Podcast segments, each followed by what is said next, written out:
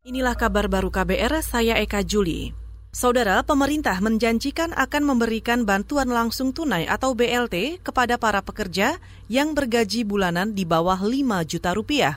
Ketua Pelaksana Komite Penanganan COVID-19 dan Pemulihan Ekonomi sekaligus Menteri BUMN Erick Thohir mengatakan bantuan langsung tunai akan diberikan kepada hampir 14 juta pekerja. Dalam keterangan resmi, penerima BLT adalah pekerja non-PNS atau BUMN yang aktif terdaftar di BPJS Ketenagakerjaan. Rencananya BLT bagi pekerja itu sebesar Rp600.000 per bulan dan akan disalurkan selama 4 bulan.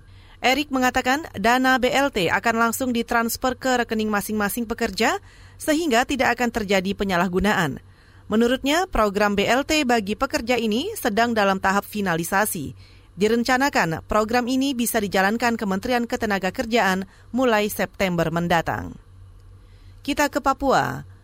Pemerintah Kabupaten Mimika meminta manajemen PT Freeport Indonesia melakukan swab test atau tes usap COVID terhadap semua pekerja.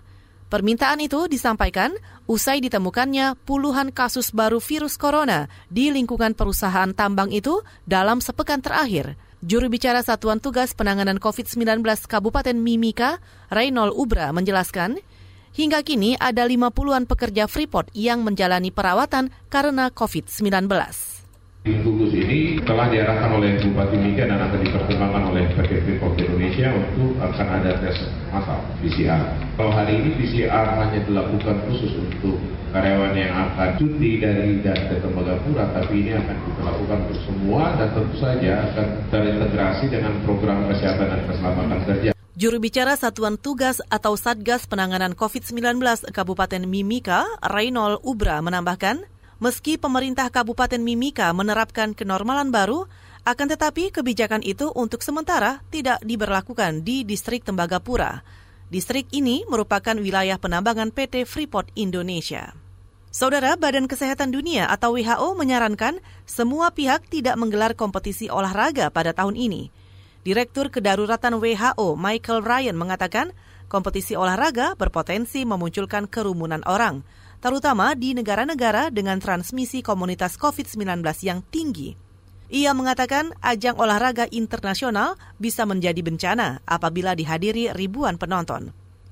Sebelumnya, sejumlah turnamen olahraga besar seperti Olimpiade Tokyo dan Piala Euro 2020 diundur hingga tahun depan.